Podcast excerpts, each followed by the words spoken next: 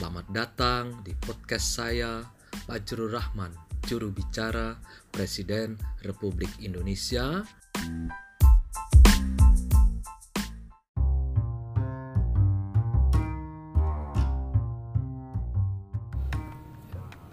Update rilis Minggu 29 Maret 2020. Insentif keuangan dan restrukturisasi pinjaman selama wabah COVID-19.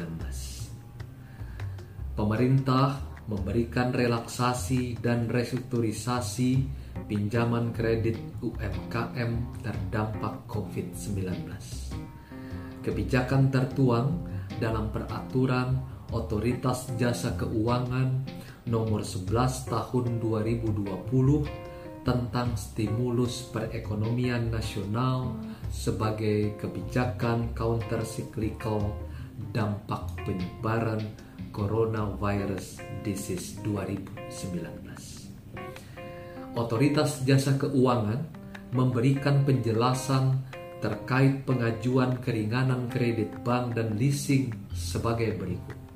Pertama, syarat minimal debitur yang bisa mendapatkan keringanan kredit adalah debitur terkena dampak COVID-19 dengan nilai kredit atau leasing di bawah 10 miliar rupiah. Dan untuk antara lain pekerja informal, penghasilan harian, usaha mikro dan usaha kecil. Dalam kurung kredit UMKM dan KUR.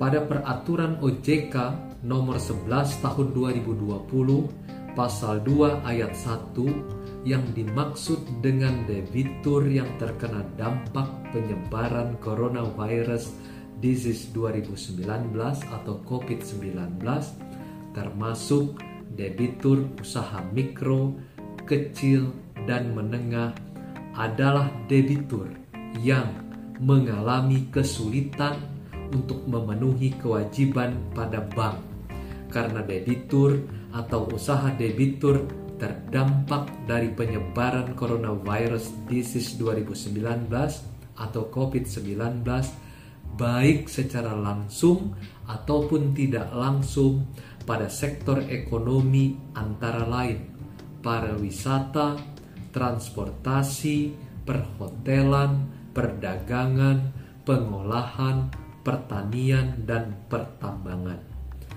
Adapun keringanan dapat diberikan dalam periode satu tahun, di antaranya dalam bentuk penyesuaian pembayaran cicilan pokok atau bunga, perpanjangan waktu, atau hal lain yang ditetapkan oleh bank atau leasing.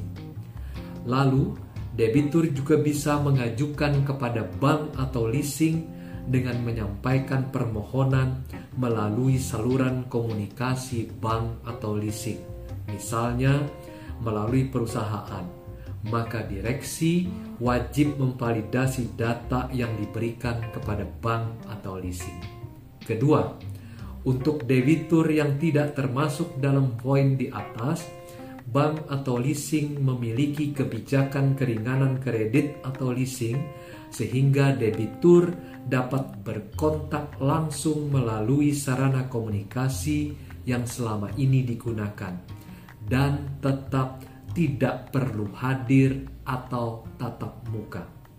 Ketiga, nasabah melaporkan kepada bank atau leasing jika ada pihak debt collector yang melakukan teror atau tidak sesuai ketentuan. Dan laporan ke OJK dapat diajukan dengan menyebutkan nama, perusahaan bank atau leasing, dan masalah yang dihadapi melalui telepon 157, WhatsApp atau WA 081 157 157 157 atau email ke konsumen at ojk.go.id. Otoritas Jasa Keuangan juga mengingatkan agar berhati-hati terhadap tawaran jasa pengurusan untuk keringanan kredit atau leasing. Pihaknya meminta komunikasi dengan saluran resmi bank atau leasing tersebut. Fajrul Rahman, juru bicara Presiden Republik Indonesia.